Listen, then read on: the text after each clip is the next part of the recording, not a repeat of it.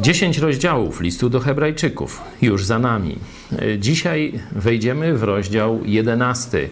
Rozdział chyba najbardziej znany, jeśli chodzi o zachętę płynącą z tego listu, tak zwany rozdział wiary. Tu słowo wiara chyba jest w największym natężeniu, pojawia się, jeśli chodzi o jedną, jeden rozdział e, biblijny. Za chwilę zaczniemy e, analizę pierwszych siedmiu wersetów e, tego rozdziału. Zajmie on nam trzy, cztery odcinki na cztery części. Podzielimy całość 11 rozdziału, a dzisiaj zajmiemy się wersetami od 1 do 7, ale wpierw poproszę jednego z Was o modlitwę. Drogi Ojcze, dziękuję Ci, że możemy spokojnie i razem poznawać Twoje słowo, że jest ono dla nas źródłem i pociechy, ale i nadziei na to, że e, spełnią się, spełni się to, co Ty obiecałeś. Dziękuję Ci, że możemy też śmiało poczynać sobie jako Twoje dzieci i stosować to, co czytamy, bo wiemy, że to się odnosi do nas. Wiemy, że jesteśmy e, Twoimi dziećmi przez wiarę Twojego Syna. Prosimy Cię też, e, żebyś dzisiaj nam pomógł rozumieć to, co, co będziemy czytać, a przede wszystkim mądrze to zastosować. Amen. Amen.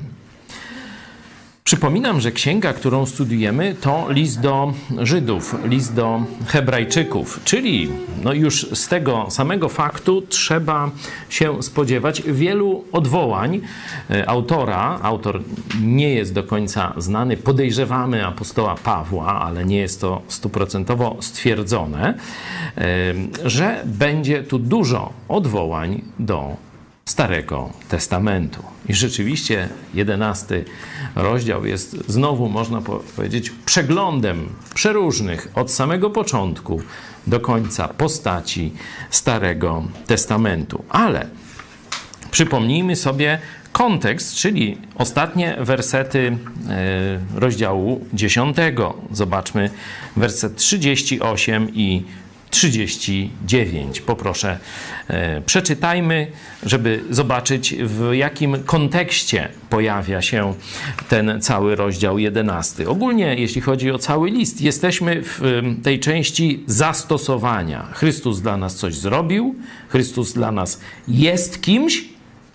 I teraz, co z tego wynika dla naszego praktycznego życia? Proszę, wersety 38-39.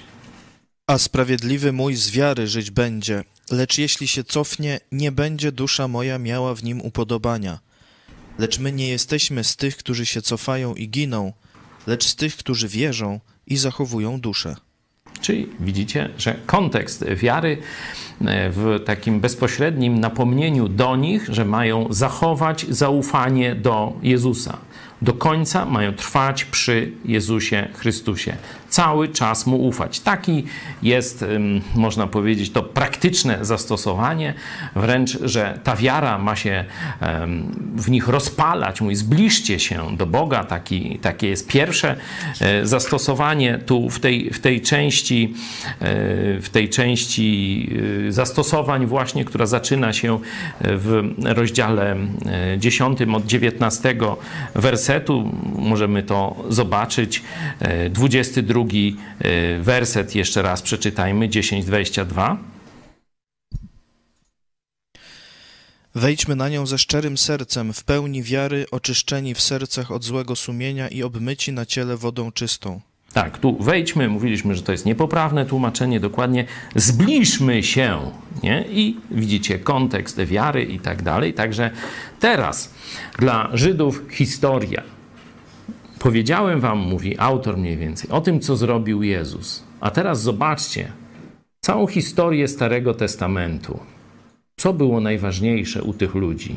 Na co Bóg patrzył w ich sercu? Czy na ofiary, czy na dary, czy na podboje, czy na uczynki zakonu, czy też na coś innego. Zobaczmy od 1 do 7. A wiara jest pewnością tego, czego się spodziewamy, przeświadczeniem o tym, czego nie widzimy. Wszak jej zawdzięczają przodkowie chlubne świadectwo. Przez wiarę poznajemy, że światy zostały ukształtowane słowem Boga, tak iż to, co widzialne, nie powstało ze świata zjawisk. Przez wiarę złożył Abel Bogu wartościowszą ofiarę niż Kain, dzięki czemu otrzymał świadectwo, że jest sprawiedliwy, gdy Bóg przyznał się do jego darów i przez nią jeszcze po śmierci przemawia. Przez wiarę zabrany został Henoch, aby nie oglądał śmierci i nie znaleziono go, gdyż zabrał go Bóg. Zanim jednak został zabrany, otrzymał świadectwo, że się podobał Bogu. Bez wiary zaś nie można podobać się Bogu. Kto bowiem przystępuje do Boga, musi uwierzyć, że On istnieje i że nagradza tych, którzy Go szukają. Przez wiarę zbudował Noe, ostrzeżony cudownie o tym, czego jeszcze nie można było widzieć, pełen bojaźni, arkę dla ocalenia rodziny swojej. Przez nią wydał wyrok na świat i odziedziczył usprawiedliwienie, które jest z wiary. Amen. To oczywiście początek. Zobaczcie, pierwsze rozdziały księgi Genezis omawiamy w tym jedenastym rozdziale e, listu do Hebrajczyków. Zobaczcie w takim razie już pierwsze takie zastosowanie. Jeśli jakimś wzorem wiary są dla nas bohaterowie z pierwszych rozdziałów Księgi Rodzaju, to czy możemy powiedzieć, że to wszystko to legenda? Czy to się Wam w jakiś sposób zazębia? A tak dzisiaj spora część chrześcijan, no praktycznie oficjalna nauka Kościoła katolickiego już taka jest, że absolutnie nie można wierzyć w sześciodniowe stworzenie mniej więcej 6 tysięcy lat temu, tylko że trzeba przyjąć miliardy lat, trzeba przyjąć teorię ewolucji Darwina, trzeba przyjąć, że choć Bóg w jakiś sposób mieszał troszeczkę w procesie powstania życia czy człowieka, to zasadniczo ten proces, jak właśnie ci zdrajcy mówią, zdrajcy chrześcijaństwa, zdrajcy Chrystusa, e, dokonywał się wedle praw przyrody. I tak pierwsza komórka powstała w wyniku gotowania w prebiotycznej zupie, a potem ciotka daleka towarzysza Ziemkiewicza, bo jemu zawdzięczamy e, akcję Nie pochodzę od małpy.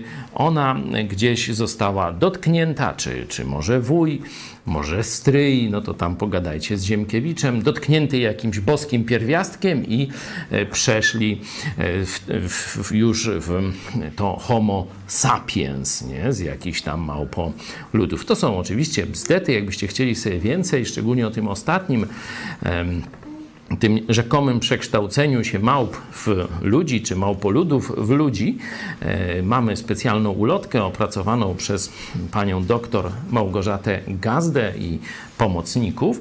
Możecie sobie ściągnąć już teraz e, tę ulotkę, wydrukować samodzielnie.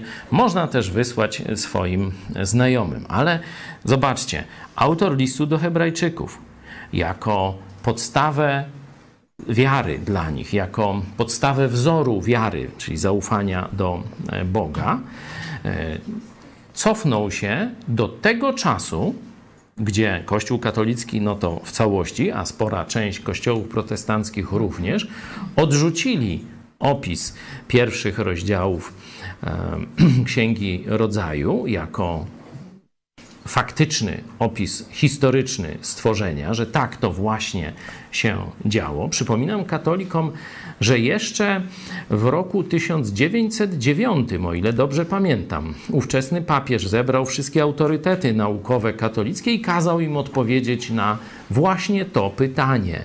Czy pierwsze rozdziały Księgi Genezis można interpretować dosłownie, historycznie, tak jak one zostały napisane. Jak myślicie, co wtedy odpowiedzieli naukowcy katoliccy? Sprawdźcie sobie, można znaleźć stosowny e, dokument. Wtedy jednogłośnie powiedzieli: To jest dokładny opis stworzenia. Zobaczcie, jak niewiele lat minęło, tylko 100 lat praktycznie, z niewielkim układem od tamtego czasu, a dzisiaj zdecydowana e, część, no, oficjalna nauka Kościoła katolickiego, ale niestety wiele kościołów biblijnych zaczyna się wahać, czy rzeczywiście gdzieś tam nie ma miliardów lat, czy gdzieś tam nie ma przejścia od jednego projektu, od jednego gatunku w drugi i tak dalej, i tak dalej. Stąd e, my oczywiście bardzo mocno e, popieramy biblijny opis stworzenia, film e, Genezis, Raj Utracony. Już możecie obejrzeć, gdzie zarówno jest przeprowadzona taka animacja komputerowa, jak też największe umysły świata chrześcijańskiego wypowiadają się, przedstawiając argumenty za tym, że Księgę Rodzaju, szczególnie w tych pierwszych rozdziałach, nadal trzeba rozumieć dosłownie. Jeśli byście chcieli sobie obejrzeć ten film, można to zrobić. Instrukcja jest na naszej stronie idźpodprat.pl albo też zdaje się na Megakościół. Też jest instrukcja, czy tylko na idź pod prąd? megakościół.pl również tam znajdziecie. Wracamy do naszego y, tekstu.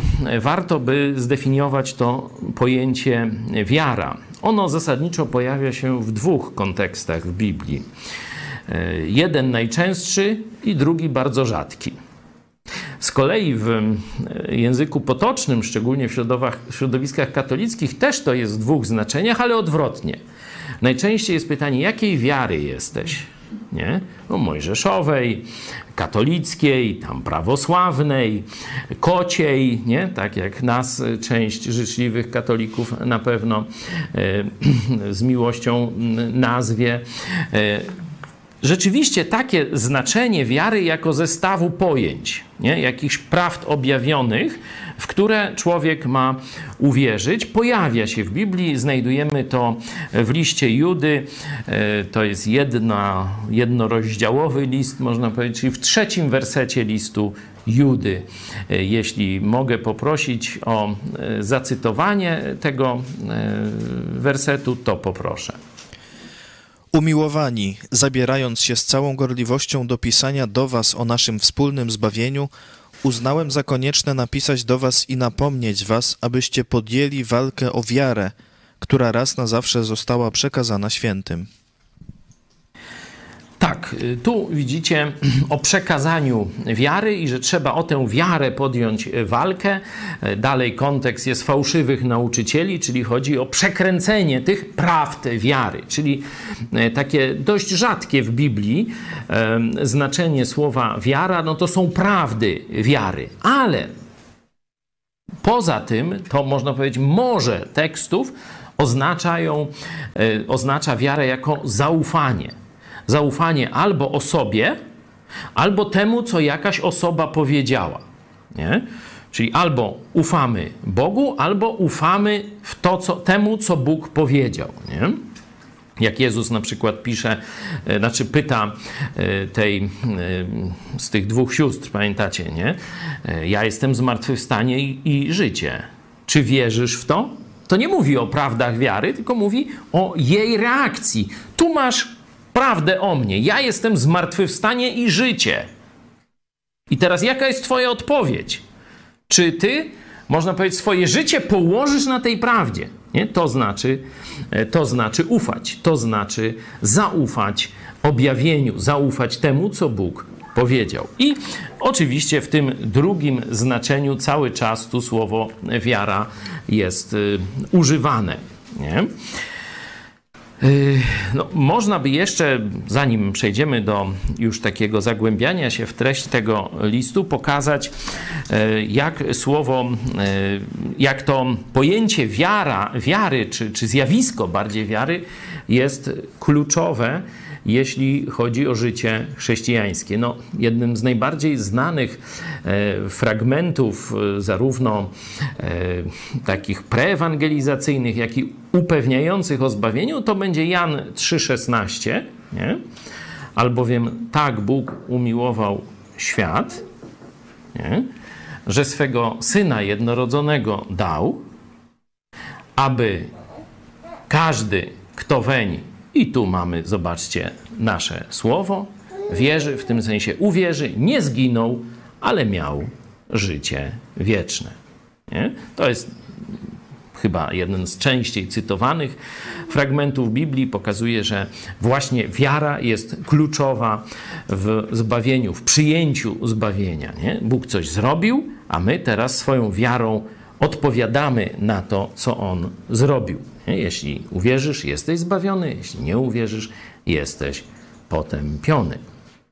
A fragment, który zapewnia nas o zbawieniu, to list do Efezjan 2, 8, 9. Nie? Łaską jesteście zbawieni przez co? No właśnie, przez zaufanie. Nie? Czyli zarówno w tym początku życia chrześcijańskiego wiara jest tym sposobem, w jaki my odpowiadamy na Bożą inicjatywę w naszą stronę. Bo oczywiście zbawienie jest Bożą inicjatywą. To Bóg, Ojciec posłał Jezusa. To Jezus zdecydował się wypełnić wolę Ojca i umrzeć za nas. Ale kiedy to się stało, obrazowo przedstawia to Apokalipsa, oto stoję u drzwi, Jezus mówi. Twoich drzwi, przed Twoim sercem, umysłem, życiem. Oto stoję drzwi i kołaczę. Jeśli kto posłyszy mój głos i drzwi otworzy, wejdę do niego i będę z nim wieczerzał, a on ze mną. I życie chrześcijańskie możemy zobaczyć, jak jest opisane najpierw ogólnie w liście do Kolosan 2:6.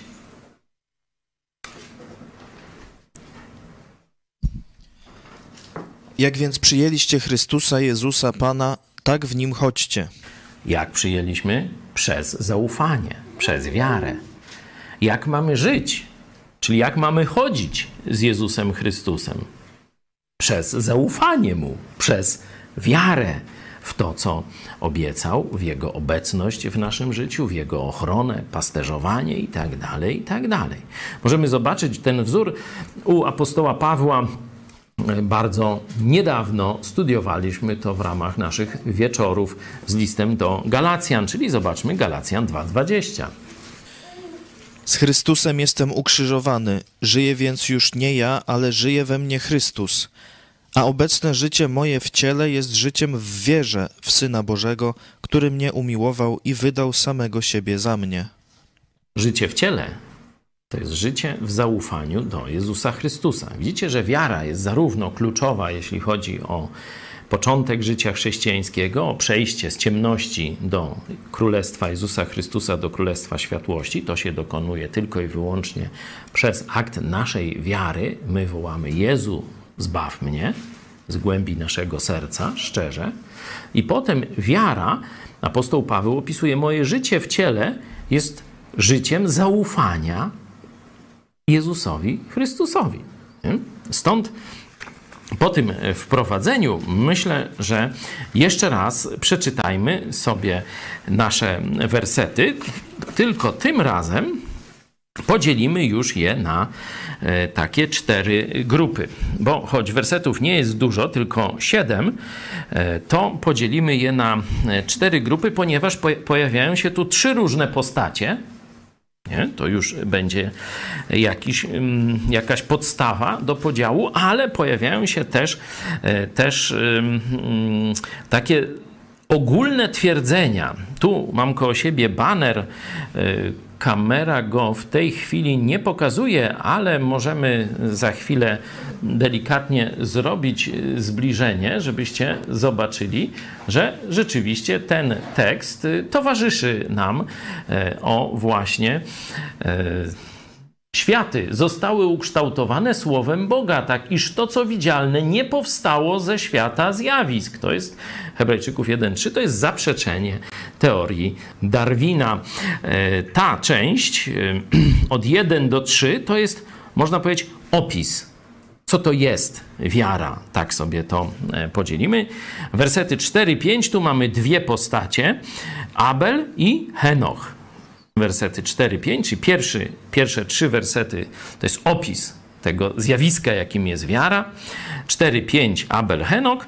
Szósta, szósty werset znowu jest takim e, wersetem, powiedzmy, doktrynalnym, czyli podana jest doktryna, nie? czyli istota albo potrzeba wiary, to już nie wiem, jak sobie to zatytułujecie lepiej. I siódmy werset to jest historia Noego, czyli Noe. Nie?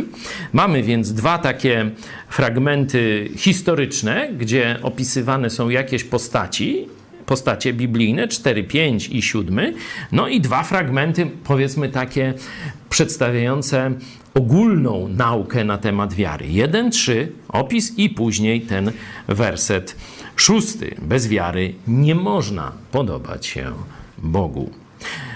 Mając to na uwadze, jeszcze raz przeczytajmy sobie rzeczony fragment.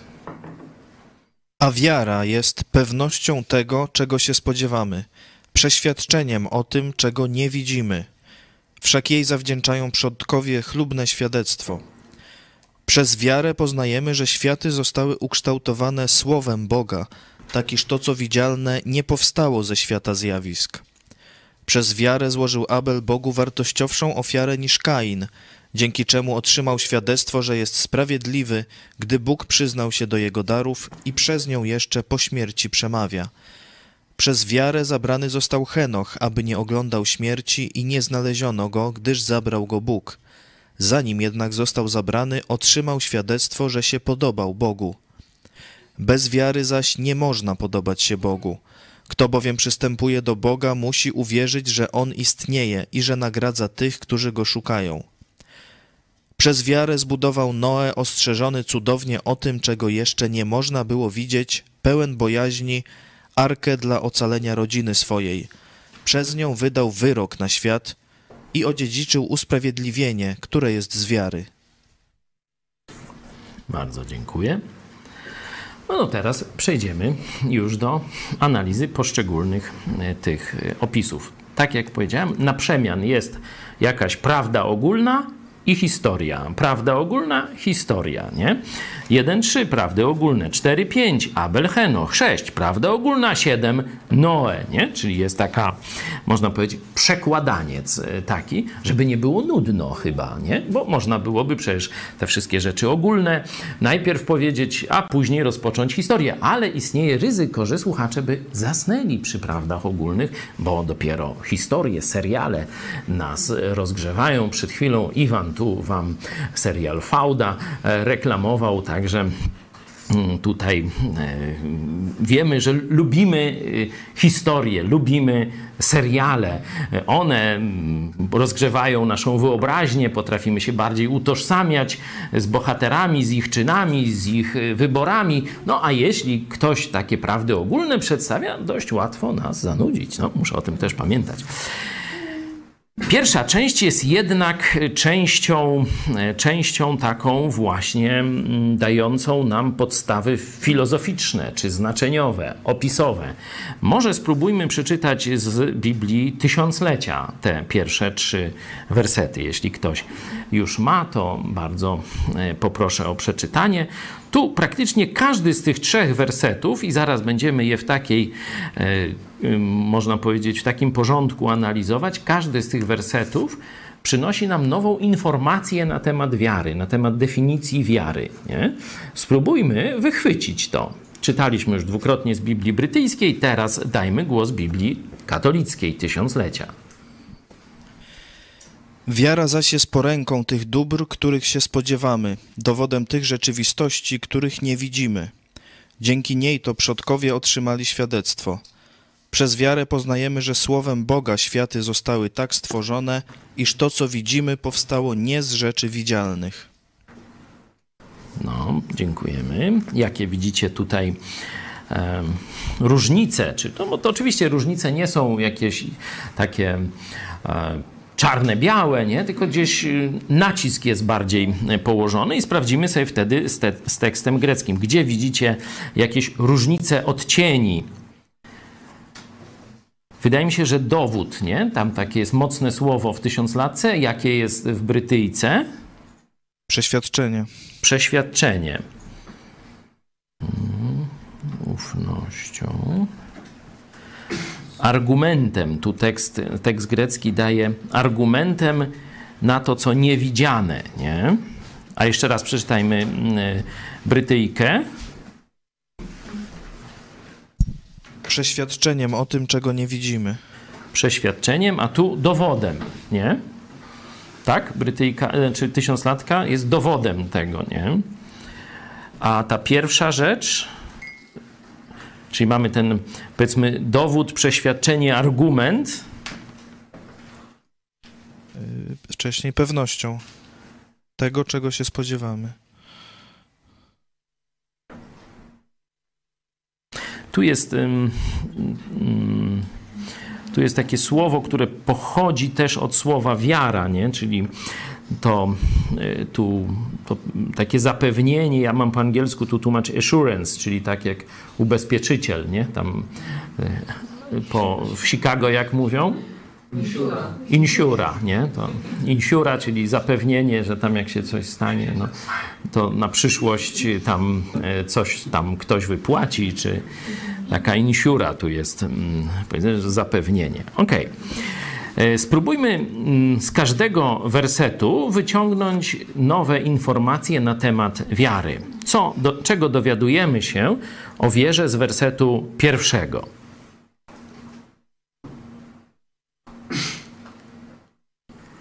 Jakich rzeczywistości dotyczy werset pierwszy? Można powiedzieć, że jak gdyby z dwóch porządków. Jakie porządki tu widzicie? Porządek przyszły, nie?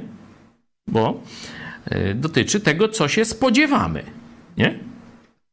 Bo jest to, co było, to, co jest i to, co będzie. Takie trzy porządki jakieś można w ten sposób rzeczy czy zjawiska e, skategoryzować. Nie? I tu jakiego porządku wiara dotyczy?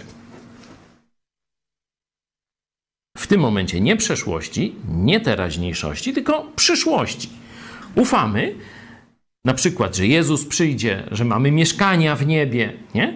No bo to właśnie jest objawienie to są obietnice Słowa Bożego i my dzięki temu widzimy, jaka będzie, czy wiemy, czy mamy e, informację, jaka będzie nasza przyszłość. Ale zobaczcie, e, o czym jeszcze przekonuje, z jakiego jeszcze porządku mamy e, tutaj informacje przez wiarę. Czyli porządek przyszły i. Głośniej troszeczkę poproszę, żeby i porządek niewidzialny. Nie? Mamy rzeczy widzialne, o, szklanka, kubek, nie? niech tam będzie. To jest porządek widzialny, no i jest porządek niewidzialny. Nie? Na przykład mówimy o aniołach. Nie, nie, nie widzimy aniołów. Nie? E, a dzięki objawieniu Słowa Bożego wiemy, że one są. Nie? Mówiliśmy, ale to zaraz do stworzenia e, przejdziemy. Czyli e, Dzięki wierze rozpoznajemy przyszłość i rzeczy niewidzialne. Nie? No to tu jeszcze chyba nawet y, tacy chrześcijanie ateiści jeszcze by się z nami, czy materialiści, nie wiem jak ich zwać, no ci, co w kucypały wierzą, te darwinowskie, to jak ich nazwać, nie? Chrześci, chrześcijanie darwinowscy, nie, no to, to albo Chrystusowy, albo darwinowski, no nie wiem jak to, to towarzystwo nazwać, no jakoś brzydko by pasowało, no ale nie będziemy się tam nad nimi specjalnie znęcać. Tu by jeszcze się zgodzili, no, że tutaj rzeczy tam przyszłe, no to tam nauka w to nie wnika, no i rzeczy niewidzialne, nauka też w to nie wnika, nie? Zobaczcie, że e, taki kompromis pomiędzy nauką a chrześcijaństwem e, zastosowano praktycznie w Kościele katolickim. Nie? I Kościół katolicki mówi, że e, nauka i wiara, czy tam religia, mają różne pola badawcze. Nie? Że nauka zajmuje się tym, co widzialne, światem zjawisk, materią i prawami przyrody, nie? A y, wiara czy religia, tutaj nie, nieważna jest już nomenklatura, zajmuje się y, tą rzeczywistością niewidzialną, czyli duchową, no i przyszłością, jakąś niebem i tak dalej. Czyli no zobaczcie, jeszcze, jeszcze ten werset nie, y, nie rodzi konfliktu, powiedzmy. Ale my czytaliśmy już trzy wersety i wiemy, że zaraz konflikt będzie i że to są kucypały.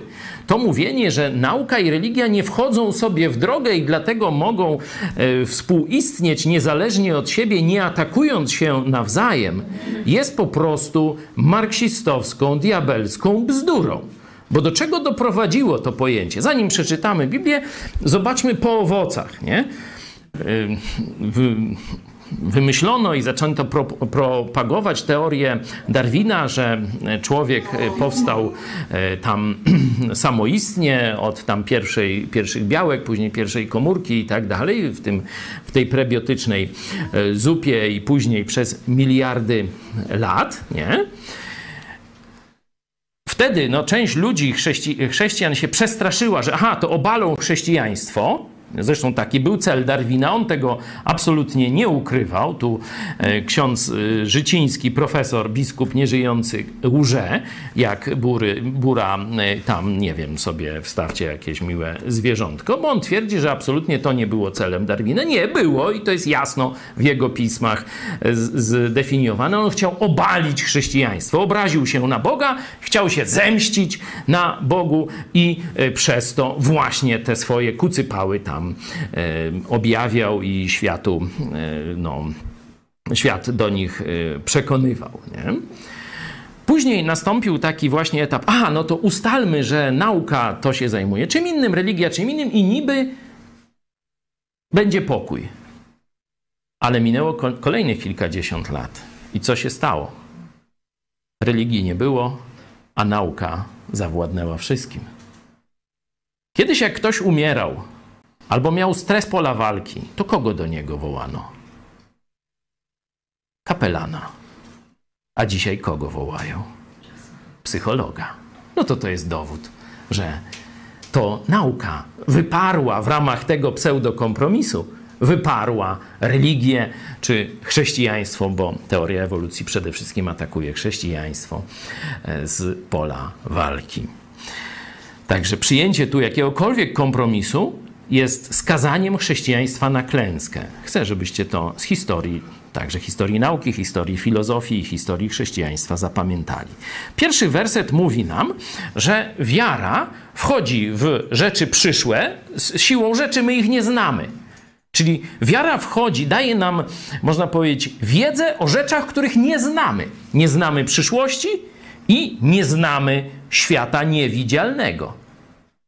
A dzięki zaufaniu do Słowa Bożego, możemy ten świat poznawać, możemy poznawać przyszłość. Nie? Werset drugi. Przeczytajmy go jeszcze, może tym razem z Brytyjki. Wszak jej zawdzięczają przodkowie chlubne świadectwo.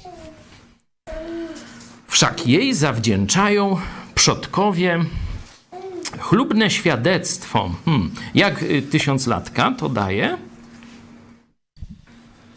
Dzięki niej to przodkowie otrzymali świadectwo.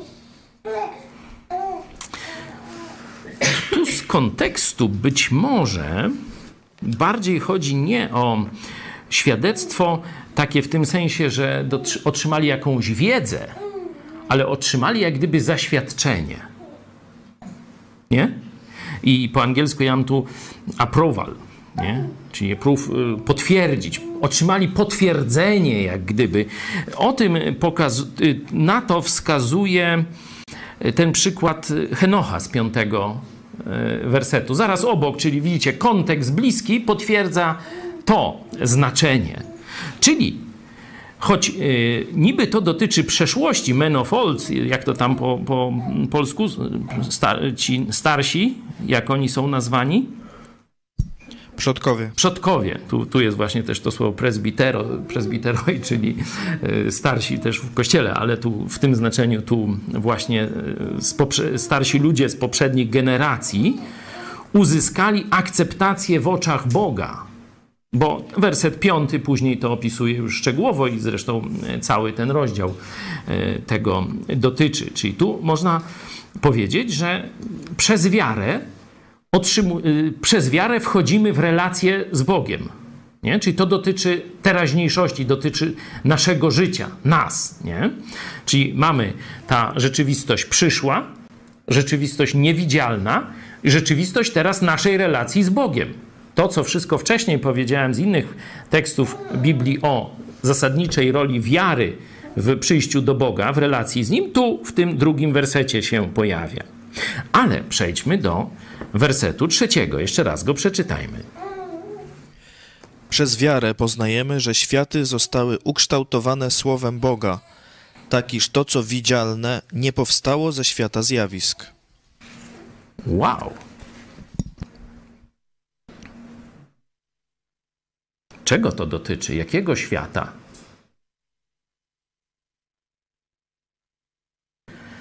Dotyczy świata widzialnego, nie? Świata widzialnego. Mówiliśmy w wersecie pierwszym, że wiara dotyczy rzeczy niewidzialnych. I tu e, pozornie jeszcze możemy bawić się w ten kompromis, nie? że nauka świata widzialnego, e, wiara świata niewidzialnego. Co nam mówi werset trzeci?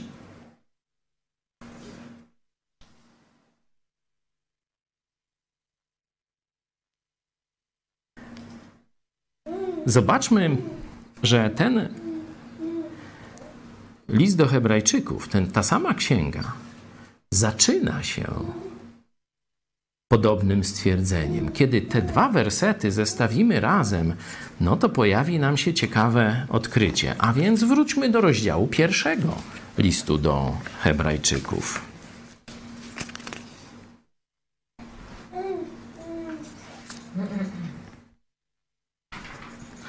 Zobaczmy tam werset drugi.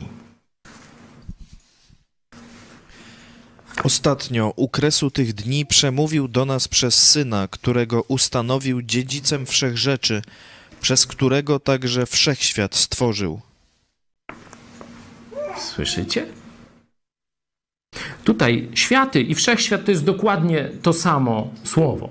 Nie? Czyli y, można sobie, że tak powiem, to już jest te, te światy y, z wersetu trzeciego, z jedenastego rozdziału, to y, można przetłumaczyć jako wszechświat i też będzie pasowało.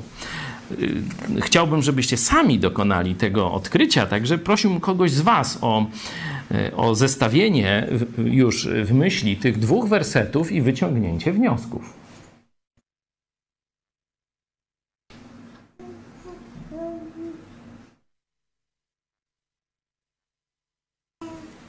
Co wam te dwa wersety zestawione razem pokazują? Biblia uczy, że nic nie zrobiło się samo, tylko wszystko zostało stworzone przez Boga. Nawet bardziej to precyzuje, bo tu rzeczywiście mamy słowo Boga w wersecie trzecim, ale co mamy w wersecie drugim pierwszego rozdziału? A dokładnie kogo mamy? Przez Syna. Przez Chrystusa. Wow! Dla chrześcijan biblijnych nie jest to może zadziwienie, bo przecież podobne myśli mamy w liście do Kolosan, e, w Księdze Objawienia i jeszcze w paru innych e, miejscach Pisma Świętego. Na pewno dałoby się takie wnioski wyciągnąć, ale tu mamy wprost. I zobaczcie, że jest to list napisany, żeby otrzeźwić w wierze takich zblazowanych chrześcijan. Takich, którym się już nie bardzo chce, może by tak już nie walczyć, może by pójść na kompromis ze światem, zacząć jakieś świę, y, święconkę, może chodzić do kościółka, żeby już się tak ludzie nie czepiali. Oni takie mają problemy, nie? A on im pokazuje, wszechświat, jak, wszechświat jako stworzony przez Chrystusa, i Słowem Boga. I teraz zobaczcie, jak można jednocześnie mówić, że się kocha Chrystusa, że się bezgranicznie zaufało Chrystusowi, że się jest zbawionym przez Chrystusa i odrzucać stworzenie świata przez Chrystusa. Przecież to jest wprost napisane. Jeszcze raz przeczytajmy, może ktoś nie dowierza, może z Biblii Tysiąclecia, Hebrajczyków 1-2. A w tych ostatecznych dniach przemówił do nas przez Syna. Jego to ustanowił dziedzicem wszystkich rzeczy, przez Niego też stworzył wszechświat. Przez Niego stworzył wszechświat. Chrystus jest autorem stworzenia. Nie? I teraz zobaczcie, jest część chrześcijan, mówię już z tej grupy chrześcijan biblijnych, nie kulturowych, tam prawosławnych czy katolików, którzy twierdzą, że tylko Biblia, sola scriptura, że tylko z łaski, tylko przez wiarę, ale przez miliardy lat. I nie Słowem Bożym, tylko prawami przyrody i naturalnymi, czyli naturalnymi procesami. Niektórzy powiedzą z przypadku. Nie? Inni z kolei chrześcijanie mówią, a to jest kontrowersyjne i skomplikowane, to my się w to nie angażujemy, bo my głosimy Chrystusa. No to jak możecie głosić Chrystusa? Chyba nie całego. Jak nie mówicie o Chrystusie Stworzycielu. Zobaczcie, list do Hebrajczyków i zaczyna się, bo to drugi werset, że światy zostały, wszechświat został stworzony przez Chrystusa. I teraz, kiedy o naszej odpowiedzi do Boga mówimy, przez wiarę rozumiemy, że światy, świat został stworzony Słowem Boga. I nie powstał w wyniku naturalnych procesów, ale został stworzony. Zobaczcie to słowo w trzecim, e, w trzecim wersecie. To e, ja mam po angielsku rozumiemy, jakie, e, jak jest w tekstach tych polskich, dwóch najbardziej popularnych. Poznajemy. To jest jaka Biblia? Warszawska. Warszawska. Widzimy. Tak, tu jest takie słowo zauważamy. No, an, angielskie tłumaczenie, którego ja tu używam, przetłumaczyło to na rozumiemy. No można, postrzegamy, rozumiemy. To są bliskoznaczne yy, słowa, nie? I teraz pytanie, czy bez wiary można zrozumieć świat materialny? Proste pytanie, zastosowawcze do tego trzeciego wersetu. Czy bez wiary w obietnicę Boga zawarte w Biblii możemy, czy człowiek może rozumieć świat materialny? Nie mówię o świecie duchowym, nie mówię o świecie przyszłym, mówię o tu i teraz, o świecie materialnym. Czy można go rozumieć? Czy można go właściwie poznawać? Czy można go właściwie odczytywać? Dla mnie odpowiedź jest oczywista. Nie można. Zobaczcie, cała nauka odrzuca objawienie Biblii w tym temacie. To pokazuje, jak nauka jest ślepa. Dam wam przykład. Dam wam przykład z najbliższego, można powiedzieć, takiego otoczenia. Oto chyba tydzień temu profesor Zybertowicz powiedział prawdę o tym, czym zajmowali się na posiedzeniach takiego Biura Bezpieczeństwa Narodowego, czyli tacy najbardziej odpowiedzialni politycy w państwie zastanawiają się nad tym, co grozi Polsce, no i jak przeciwdziałać temu, co grozi. Nie? I profesor Zybertowicz dziwię się, że, czy to szacunek, że powiedział tak niezwykłą prawdę Biuro Bezpieczeństwa Narodowego w ogóle nie brało pod uwagę, nie wzięło pod uwagę scenariusza pandemii, którą Chińczycy, chińscy komuniści zaatakują Polskę. Słyszycie to, co mówię? W ogóle nie brali tego pod uwagę. Tak powiedział. Mieliśmy pokazanych 15 zagrożeń. Zagrożenie pandemią nie wydawało nam się ani poważne, ani na pewno najważniejsze z tego, co nam grozi. Zapewne zajęli się strategią, jak nie przegrać wyborów i nie pójść do więzienia. Widzicie teraz, jak brak tego komponentu wiary powoduje, że człowiek jest ślepy w materialnych sprawach? To jest przykład. To byli katolicy, ateiści i agnostycy, Profesor Zybertowicz siebie jako agnostyka przedstawia. Nie? Katolicy, ateiści, agnostycy, czyli wszyscy razem niewierzący. Zobaczcie, brakowało komponentu postrzegania duchowego. My, ludzie wiary, ludzie Jezusa Chrystusa, nie mieliśmy żadnego, nie mając tych wszystkich danych wywiadowczych, które miał BBN i profesor Zybertowicz. Nie mieliśmy żadnej wątpliwości, które zagrożenie będzie najgorsze dla Polski za parę tygodni czy za dwa miesiące, jak w styczniu już my mówili. Nawet oświadczenie, żeby nie było tak, że myśmy sobie tam gdzieś mówili, ktoś specjalne oświadczenie wydaliśmy e, z partii Ruch 11 listopada o tym, co się będzie działo. Wtedy jeszcze, chociaż to był już luty, pisowcy śmieli się z tego, co myśmy Polakom mówili. Widzicie, jak człowiek bez wiary jest głupi sprawach materialnych. Jeszcze raz przeczytajmy werset trzeci. Proszę. Przez wiarę poznajemy, że światy zostały ukształtowane słowem Boga, tak iż to, co widzialne, nie powstało ze świata zjawisk. Zrozumienie świata jest możliwe tylko wraz z komponentem wiary. Bez wiary nie rozumiemy doczesnego, materialnego świata. To chciałem, żebyście bardzo mocno sobie zapamiętali. Część z Was to studenci, część z Was to przyszli naukowcy. Być może, oczywiście, słyszeliście o tym, że Bóg stworzył świat sześć dni i tak dalej, że to przez Chrystusa.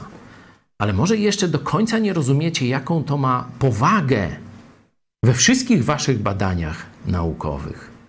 To jest podstawowy czynnik. Objawienie Biblii jest podstawowym czynnikiem wpływającym na właściwe rozumienie świata. I jakbyście przy, przy, przeanalizowali sobie od czasów Jezusa historię nauki, to zobaczycie, że najwięksi naukowcy kim jednocześnie byli? Najbardziej oddanymi Bogu chrześcijanami. Spora część z nich to najpierw Biblia, a potem badania naukowe. I osiągnęli sukces w badaniach naukowych, niedostępny dzisiejszym gryzi piórkom, bo dzisiaj nie ma naukowców.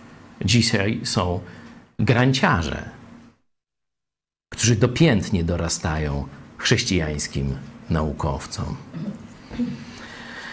Jedźmy dalej. Czyli mamy wstęp. Wiara daje nam widzenie przyszłości.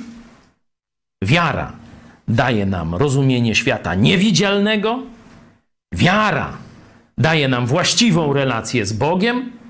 Wiara daje nam właściwe poznanie świata materialnego. Bez wiary wszystkie te obszary będą dla nas albo niewyraźne, albo wręcz całkowicie zamknięte, zaczernione. Nic nie będziemy o nich wiedzieli.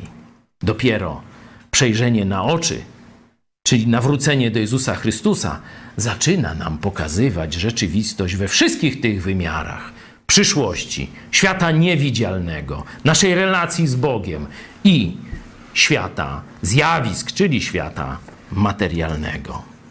No a teraz, bo tak poszliśmy w filozofię, dwie historie. Proszę bardzo, wersety od 4 i 5. Przez wiarę złożył Abel Bogu wartościowszą ofiarę niż Kain, dzięki czemu otrzymał świadectwo, że jest sprawiedliwy, gdyż Bóg przyznał się do jego darów i przez nią jeszcze po śmierci przemawia. Przez wiarę zabrany został Henoch, aby nie oglądał śmierci i nie znaleziono go, gdyż zabrał go Bóg. Zanim jednak został zabrany, otrzymał świadectwo, że się podobał Bogu. Żeby lepiej zrozumieć te dwie postaci, postacie Starego Testamentu, o Noem nie będziemy czytali, bo to tam każde dziecko zna przeróżne historie. Oczywiście zachęcam o Noem, to jest od 6 rozdziału 11 werset do 9:29, ale przeczytajmy sobie o Ablu i Henochu. Księga Rodzaju 4, czwarty rozdział wersety od 2 do 8, historia Abla. Potem urodziła jeszcze brata jego Abla. Abel był pasterzem trzód, a Kain uprawiał rolę. Po niejakim czasie Kain złożył Panu ofiarę z plonów rolnych.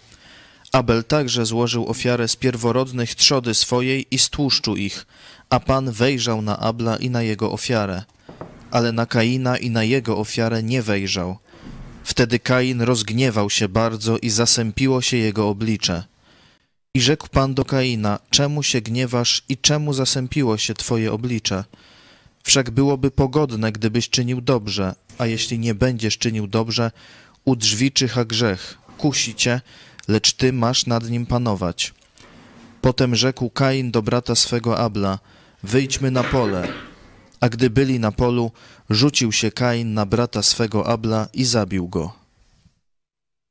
Dzięki. Pismo Święte milczy, jeśli chodzi o szczegóły tych ofiar. Czy była taka sytuacja, że Bóg objawił, w, jak, w jaki sposób należy te ofiary złożyć, a Kain zrobił po swojemu? Nie wiemy. Nie, nie będziemy gdybać, no chyba, że ktoś z Was wie, no to, to proszę mi podpowiedzieć, ale o ile ja wiem, nie mamy szczegółowego wejrzenia, jak to się odbyło. Mamy jednak Bożą ocenę i tę ocenęśmy czytali. Abel uzyskał akceptację w oczach Boga w tym, co zrobił. W jakiś sposób okazał zaufanie, bo tak tutaj jest opisany. Nie?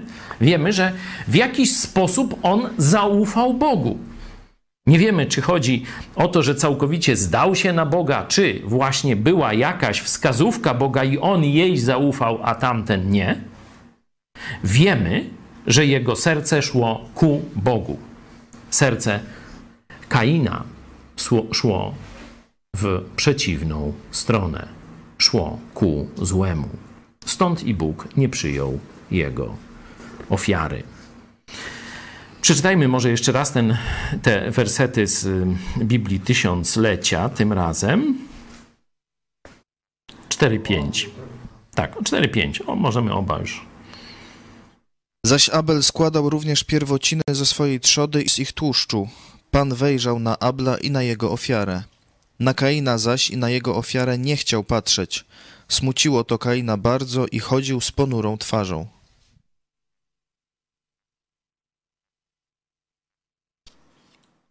Z Hebrajczyków jeszcze 4-5.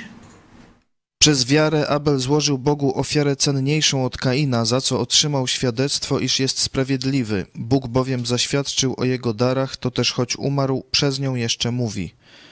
Przez Mhm. wiarę Henoch został przeniesiony, aby nie oglądał śmierci i nie znaleziono go, ponieważ Bóg go zabrał. Przed zabraniem bowiem otrzymał świadectwo, iż podobał się Bogu. O Henochu mamy chyba jeszcze mniej. Możemy e, to przeczytać z piątego e, rozdziału pierwszej księgi Mojżeszowej 21 do 24. Henoch żył 65 lat i zrodził Metuszelacha. Po zrodzeniu Metuszelacha chodził Henoch z Bogiem 300 lat i zrodził synów i córki. Henoch przeżył 365 lat. Henoch chodził z Bogiem, a potem nie było go, gdyż zabrał go Bóg. Co ciekawego widzimy o Henochu. Nie żył w celibacie. To jest główna wiadomość, jaką mamy o Henochu, oprócz tego, że chodził z Bogiem, nie? że został wzięty do nieba, to że nie żył w celibacie. Nie? nie wiem, czy wy też to widzicie? Zrzuciło wam się to na oczy? I to nie raz. Bo tutaj ten mm, ma Metuszelach się pojawia i jeszcze jakichś synów i jakieś córki. Przez 300 lat do tego mogło być nawet, wiecie, tak dość, nie? To dzisiaj po 20 nawet dzieci niektóre kobiety potrafią urodzić. No a tu zobaczcie. A mówią, że Maria musi być zawsze dziewica, bo inaczej nie mogłaby pójść do nieba, czy jak? Skąd ten dogmat? No. W Biblii jest tylko, że nie obcowała z Józefem aż do pewnego momentu i tylko tyle jest, nie? Ale katolicyzm tak sobie, że tak powiem, chciał obrzydzić życie e, płciowe w małżeństwie, że stwierdził, że Maria e, praktycznie nigdy nie była żoną Józefa w tym dosłownym sensie. I y, takie kucypały tam ludziom opowiada. A tu mamy świętego Starego Testamentu, który został z kopytami, nie wiem czy razem z, nie, nie, nie piszę na czym jechał, z kopyta, w butach wzięty do nieba, bo chyba nawet nic nie zostało po nim. A on jest tutaj jako, jego rola na ziemi, oprócz tego, że chodził z Bogiem, to że był ojcem. Ojcem bardzo wielu synów i córek. Nie? Jeden jest wymieniony z imienia. To taka ciekawostka, taki off-topic. Można to e, pokazywać przy jakichś tego typu dyskusjach, choć one nie są zbyt e, ciekawe, ale niektórym, którzy zaczynają szukać prawdy, to się różne takie rzeczy na, na oczy rzucają i coś tam z nich mogą wyciągnąć. Zobaczcie, w tym wersecie 4-5 mamy dwóch ludzi. Jeden jest nazwany, że mm, został uznany za sprawiedliwego, nie? a drugi, że się podobał Bogu. Myślę, że można stąd przyjąć, jako że oni są, że tak powiem, razem tę samą tezę opisują, te dwa przykłady, że to podobanie się Bogu i bycie sprawiedliwym przed Bogiem jest y, synonimem, nie? jest równoznaczne. Nie? nie wiem, czy jeśli ktoś się nie zgadza, to, to bardzo e, proszę protestować, no ale dla mnie taki wniosek wydaje się oczywisty. I tu możemy zadać to pytanie, które mm, często ludzie, kiedy rozumieją Ewangelię, zadają. No przecież oni nie słyszeli o Jezusie. Jak? To co? To byli zbawieni bez Jezusa? Dzisiaj nie będziemy mówić o Abrahamie, e, to zostawimy sobie na następny odcinek, to właśnie będzie e, wiara Abrahama omówiona, ale na chwilę zobaczmy, e, w co uwierzył Abraham. To już jest świadectwo Nowego Testamentu. Zobaczmy Ewangelię Jana, ósmy rozdział, od 56 do 59. Abraham, ojciec wasz, cieszył się, że miał oglądać dzień mój i oglądał i radował się. Wtedy Żydzi rzekli do niego: Pięćdziesięciu lat jeszcze nie masz, a Abrahama widziałeś? Odpowiedział im Jezus: Zaprawdę, zaprawdę powiadam wam, pierwej niż Abraham był, jam jest. Wtedy porwali kamienie, aby rzucić na niego, lecz Jezus ukrył się i wyszedł ze świątyni. Jezus objawia tu swoją boskość. Mówi: Jestem który jestem, albo jestem po prostu. W Starym Testamencie to za pomocą takich czterech liter J, H, W, H, Jahwe, Jałe. Niektórzy to tam, bo nie ma samogłosek w tym, dlatego troszeczkę nie wiemy do końca, jak najbardziej prawdopodobna to jest ta wersja Jahwe, Jałe. E, Jezus tu właśnie w ten sposób przedstawia się Żydom. Oni, słysząc, że człowiek mówi, że jest Bogiem, no to co robią? No to co zwykle, no biorą kamienie, chcą go zabić jako bluźniercę, nie? Taki mieli nakaz w Starym Testamencie, także oni e, no, robią to, czego zostali nauczeni, do czego e, przywykli, ale ciekawy jest ten werset wcześniejszy, pierwszy, otwierający tę historię z życia Jezusa. Jeszcze raz zobaczcie, co Abraham widział. Abraham, ojciec wasz, cieszył się, że miał oglądać dzień mój i oglądał i radował się.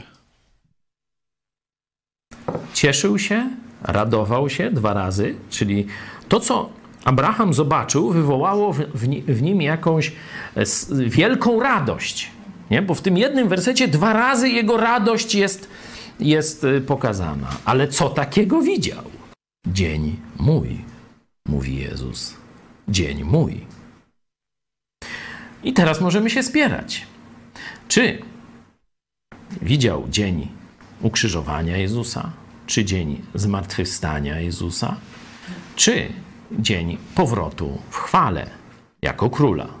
Jeśli miał wybierać, obstawiłbym ten trzeci. Nie? Ale jeśli widział koniec historii, no to musiał rozumieć też początek. Szczególnie, że Jezus został zapowiedziany w ogrodzie Eden, praktycznie tuż po grzechu kiedy Bóg powiedział, że przyjdzie odkupiciel. Zmiażdży ci łeb, diable jeden, a ty ukąsisz go w piętę. Nie? Czyli Abraham to już wiedział, a teraz zobaczył koniec historii.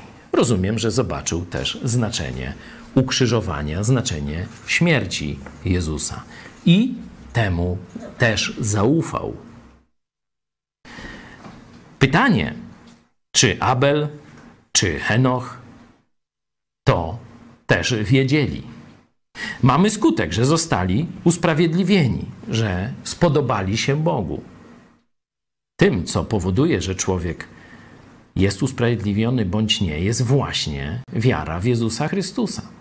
I kiedy, że tak powiem, postać ze Starego Testamentu po sąsiedzku jest opisana jako widząca właśnie i ciesząca się z tego, co Jezus zrobił, stąd ekstrapolujemy to na tych pozostałych. Tamci ludzie, którzy szukali Boga, którzy wszystko to, co mieli, tę część objawienia, którą mieli, wykorzystali skrupulatnie, żeby zbliżyć się do Boga. Bóg już wcześniej w sposób nadprzyrodzony objawił im to, co zrobił dla nich, dla nich również, powiem, Jezus Chrystus. Tak rozumiem to usprawiedliwienie Abla i usprawiedliwienie Henocha. Może macie jakieś inne koncepcje? To proszę bardzo. Jeśli nie, no to idziemy do e, kolejnego e, teoretycznego fragmentu. Przeczytajmy z Brytyjki, werset szósty. Bez wiary zaś nie można podobać się Bogu. Kto bowiem przystępuje do Boga, musi uwierzyć, że On istnieje i że nagradza tych, którzy Go szukają. Amen. Tu mamy takie dwie prawdy o Bogu, które człowiek przychodzący do Boga musi, że tak powiem, na samym początku uznać. Nie? Y, zakładam, że ci bohaterowie wyżej coś więcej jeszcze uznali o Bogu. Zresztą ich świadectwo ze Starego Testamentu y, na to wskazuje. Ale zobaczmy, co człowiek musi przyjąć za pewnik, czyli przyjąć przez wiarę. Nie dotknie tego, nie E, że tak powiem, nie przeprowadzi eksperymentu jakiegoś takiego stuprocentowo powtarzalnego i tak dalej, spełniające metody naukowe. W co musi uwierzyć? Dlaczego Bóg tego wymaga? Jak myślicie?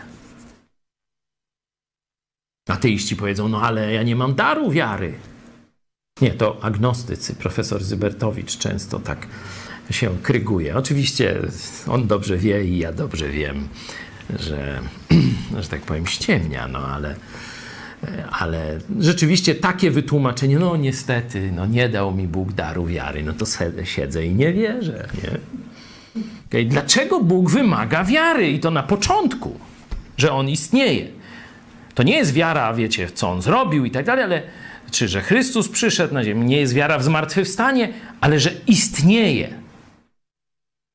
Dlaczego Bóg wymaga od nas wiary w istnienie? I tu w ogóle, jak gdyby nie mówi to ja ci pomogę, czy coś takiego. Bez wiary nie można podobać się do Boga. Kto przychodzi do Boga, musi wierzyć, że On istnieje. Zobaczcie, ostro jest to postawione. Dlaczego tak ostro? Dlaczego nie ma tu jakiegoś, z, jakby to powiedzieć, z, no, z takiego złagodzenia jakoś, czegoś tak tych ludzi źle traktować? To jest chyba to, co jest napisane w liście do Rzymian, że jeżeli ktoś widzi świat i, i nie uznaje, że Bóg go stworzył, to nie się wymówić od winy. To, to jest coś, co, co można wykombinować, że Bóg jest nawet to, co się samo przez się narzuca. Tak.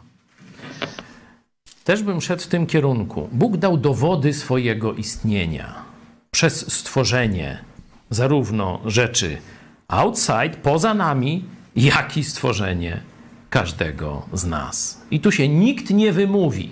Możemy przeczytać, mm, Piotrze, ten e, fragment listu do Rzymian, że nikt nie będzie miał żadnej wymówki, ponieważ Bóg dał dowód swojego istnienia, nawet paru innych rzeczy. Zobaczmy. To jest list do Rzymian, pierwszy rozdział, werset 19. Ponieważ to, co o Bogu wiedzieć można, wiedzieć można, nie? czyli jego cechy są do badania w przyrodzie. Nie? Ponieważ to, co o Bogu wiedzieć można, jest dla nich jawne, gdyż Bóg im to objawił. Bo niewidzialna Jego istota, to jest wiekuista Jego moc i bóstwo, mogą być od stworzenia świata oglądane w dziełach i poznane umysłem. Takiż nic nie mają na swoją obronę. Dlatego Bóg tu stawia sprawę ostro. Stworzyłem świat dla ciebie. Możesz popatrzeć w lewo, możesz popatrzeć w prawo, pod nogi, nad nogi, gdziekolwiek. Zobaczysz moją rękę w stworzeniu. Dlatego tam, gdzie będzie królowała teoria ewolucji, czyli że świat powstał z przypadku, tam nie będzie mogła zakorzenić się Ewangelia. Rozumiecie? Bo podstawowy, jak gdyby warunek wstępny przyjścia do Boga u wielu ludzi masowo w społeczeństwie zostanie zmyty. Nie ma. Bo durni oszuści, zwani profesorami czy nauczycielami, wprowadzą nasze małe dzieci w świat fikcji, że to się ugotowało w ząb, zupa dębowa i to se tam dokończcie te marksistowskie kucypały. Oni nie mają podstawowego kryterium. Jest Bóg, bo widzę świat. Bo widzę świat stworzony. Widzę świat, piękny świat materialny, cudownie koegzystujący ze sobą, stworzony dla mnie. Wyjdę do ogrodu, mam piękne kwiaty, owoce, warzywa, to wszystko dla mnie. No to ktoś to zrobił. No bo jak przy... rano wstaniesz, dzieckiem będąc, no powiedzmy, że takie coś się działo w twoim domu, patrzysz na stole talerz ze, ze śniadaniem. Czy to będzie tam, nie wiem, owsianka, porridge, czy jajko, eggs and bacon, czy co tam u ciebie się jada. Jak to się stało, że jest na stole? No, największy matoł. Powie, mama zrobili. No może niekiedy to starszy brat, niekiedy siostra, no może kto. Ktoś to zrobił dla mnie. A tu masz cały świat stworzony dla ciebie. I nie widzisz, że ktoś to zrobił dla ciebie? Że teraz masz go szukać? Że masz go znaleźć? Że masz, od, masz odpowiedzieć na jego dobroć? To robi teoria ewolucji. Dlatego tak ważne, byście pokazali swoim dzieciom ten film Genesis 3D. Szczególnie w tej e, części, mm, wiecie, tej animowanej.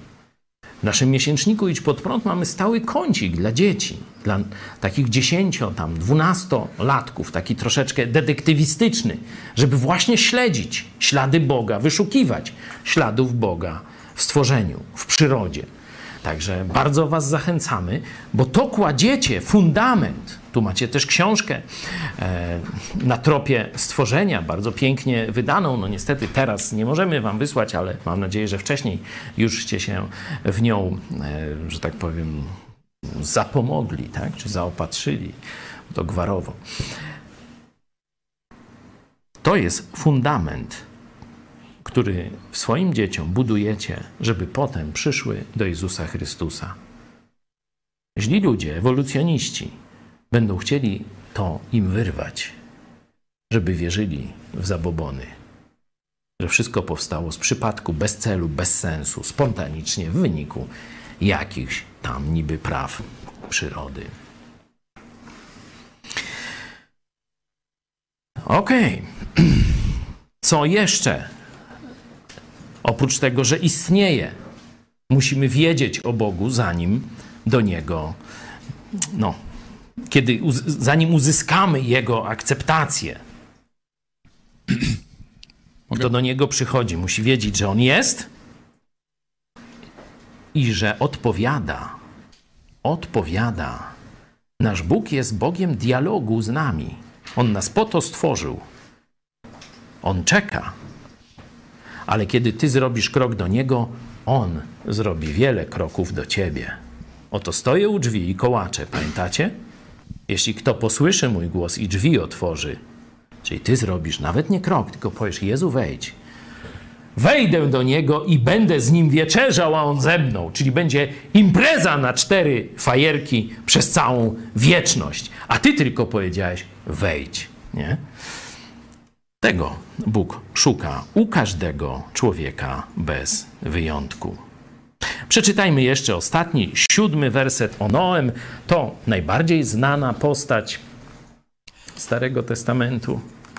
Przez wiarę zbudował Noe, ostrzeżony cudownie o tym, czego jeszcze nie można było widzieć, pełen bojaźni, arkę dla ocalenia rodziny swojej. Przez nią wydał wyrok na świat i odziedziczył usprawiedliwienie, które jest z wiary. Amen. Tu z kolei, o ile werset szósty opisywał cechy wiary, czy, czy wiecie, co, e, jak, jaki rodzaj wiary musimy sami, patrząc na świat, z siebie wykrzesać, to siódmy werset pokazuje nam cechy, czy to, co się działo w sercu Noego. Spróbujmy wy, wymienić te rzeczy, które widzicie, które cechowały jego wnętrze. Bojaźń tu jest, holy fear, ja mam tam bo, holy, taki święty strach, nie? To, e, to co e, w różnych miejscach Biblii się pojawia, że musimy pamiętać, że Bóg nie jest naszym koleżką, nie? Że tu, tu Noe jest. Co jeszcze widzimy? Zaufanie. Zaufanie, oczywiście. Nie można było, nie, jakby to jest, czego jeszcze nie można było widzieć, ale przez wiarę jednak zbudował. Mhm. Widzimy też pragnienie zbawienia. On był udręczony grzechem, nie swoim, chociaż pewnie też doświadczał e, no, swojej niedoskonałości, ale przede wszystkim był obciążony grzechem, który widział, grzechem całego świata. I z jednej strony mamy to poczucie sprawiedliwości, że on się nie godzi na grzech tego świata. Chociaż praktycznie on jest sam nie? i tam jego rodzina, a reszta, cały świat jest przeciwko jego normom sprawiedliwości, jego poczuciu sprawiedliwości, to on się z tym nie godzi. On szuka ratunku, on idzie do Boga. Ratunek otrzymuje, jest zbawiony, a świat zostaje potępiony. Zobaczcie, że analogię użył Jezus. Mówi dokładnie jak za dni Noego. Cały świat miał w dupie Boga i jego wartości. Bawili się, żenili, kupowali samochody, jak Flintstonowie, nie? i jakieś inne rzeczy. Ale kto by pomyślał o zbawieniu? Kto by pomyślał o sprawiedliwości? Kto by pomyślał o Bożych wartościach? Cały świat się bawił, a Noe cierpiał i skwapliwie budował tą swoją arkę. I dzisiaj właśnie Jezus jest przedstawiony jako ta arka. Albo możesz zawołać do Jezusa i schronić się w nim, wtedy jesteś zbawiony, albo możesz iść dalej szeroką drogą. Używać po swojemu, na swój sposób, wedle swojego projektu, szukać szczęścia, używać życia i tak dalej. Tylko pamiętaj, tak jak wtedy przyszedł potop, tak teraz przyjdzie kiedyś Twoja śmierć, albo Jezus powróci. I co wtedy zrobisz? Wielu łomotało do arki, kiedy woda zaczęła już zalewać tamten świat. Ale drzwi arki, wiecie kto zamknął? Nie Noe. Sam Bóg zatrzasnął te drzwi. Już od tego momentu nikt nie mógł tam wejść. Oby dla ciebie nie było za późno. Czy ktoś chciałby jeszcze jakąś swoją myśl, zastosowanie na podstawie tego fragmentu dorzucić? Ja się zgłosiłam. Proszę. Jeszcze wracając do tej nauki, i wspominaliśmy tutaj też o filmie mm, Genesis Raj Utracony, ale jakiś czas temu można było obejrzeć film o naukowcach wierzących w Boga, kierujących się poszukiwaniem Jego dzieł. Ja sobie odnotowałam wtedy, to było już dosyć dawno, e, o Jamesie Maxwellu w Cambridge, który na drzwiach laboratorium umieścił e, słowa psalmu i e, nomen omen w tym właśnie laboratorium odkryto kod DNA. Psalm to jest 111 werset e, drugi. Nie wiem, czy mogę go odczytać, czy raczej. No, poczekaj, ja już przeczytam. Psalm 111. Werset drugi. To, było na drzwiach laboratorium właśnie umieszczone. Tak, to Ania zdaje się była tam i widziała to na własne oczy. Możemy następny raz pokazać Wam zdjęcie z tego miejsca. Psalm 111, werset drugi. Tak. Wielkie są dzieła Pana, godne badania przez wszystkich, którzy je kochają. Chciałam tylko powiedzieć dziękuję. Odkrycie DNA praktycznie obaliło teorię ewolucji. Ale o tym to możecie przeczytać w książce doktor e, Małgorzaty Gazdy. Podpis w komórce to jest książka profesora Mejera, a doktor Gazda? Spór. Nie, nie, nie, to, to nie ta książka. Ja mówię o e, już rozprawie, e, rozprawie doktorskiej doktor Gazdy, bo tamta książka to są wszystkie artykuły zebrane z miesięcznika Idź pod prąd.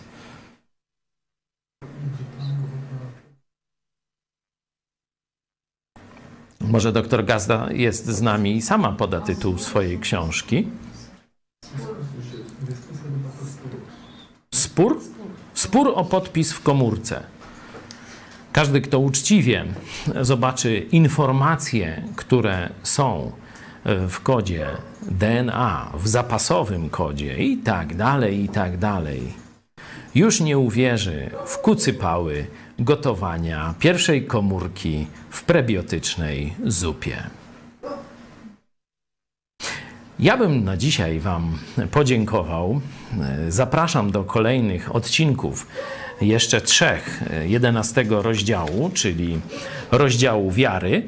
Na koniec chciałem, żebyście już w domu zrobili sobie króciutką pracę domową, mianowicie, żebyście wypisali sobie, czego dowiedzieliście się o wierze, czyli zaufaniu Bogu i Jego Słowu z tego fragmentu. Tak w kilku dwóch, trzech, może pięciu punktach.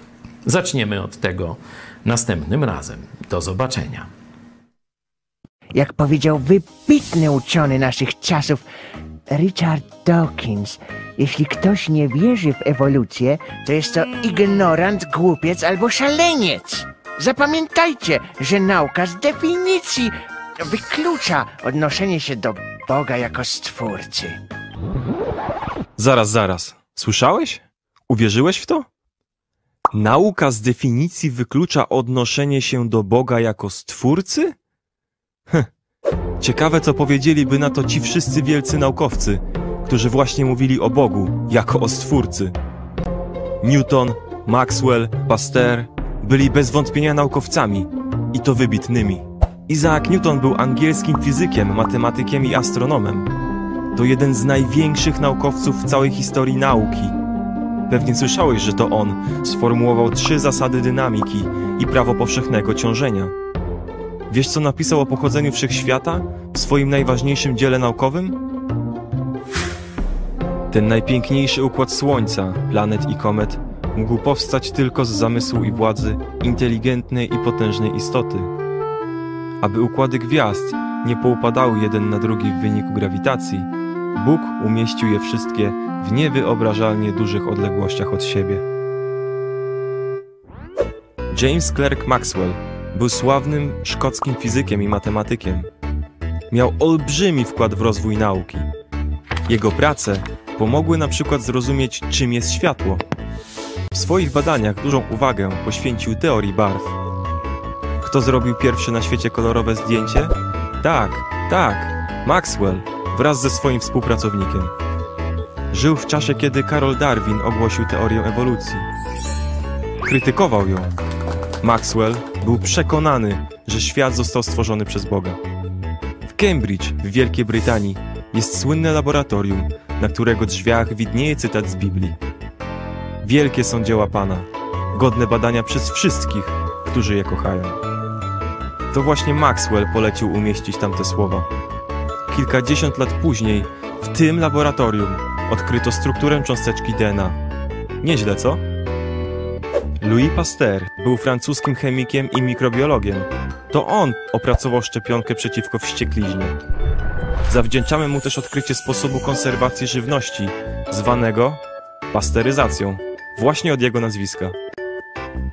Czy wiesz, że kiedyś całkiem na serio wierzono, że w rosole bakterie mogą powstać spontanicznie, tak same z siebie? Pasteur wykazał, że dostają się one do rosołu z powietrza, a nie tworzą się w nim. W ten sposób obalił teorię samorództwa. No a co z jego wiarą w Boga? Oto co powiedział. Im bardziej badam przyrodę, tym bardziej zachwyca mnie dzieło Stwórcy. Louis Pasteur odrzucił też teorię ewolucji. A to tylko kilku z tych naukowców, którzy wskazywali na działanie Boga w przyrodzie. Książka Na tropie stworzenia to wyprawa na poszukiwanie wskazówek i faktów, które świadczą o tym, że świat nie powstał z przypadku, ale że za jego projektem stoi Bóg Stwórca. To prawdziwa przygoda dla dzieci i rodziców.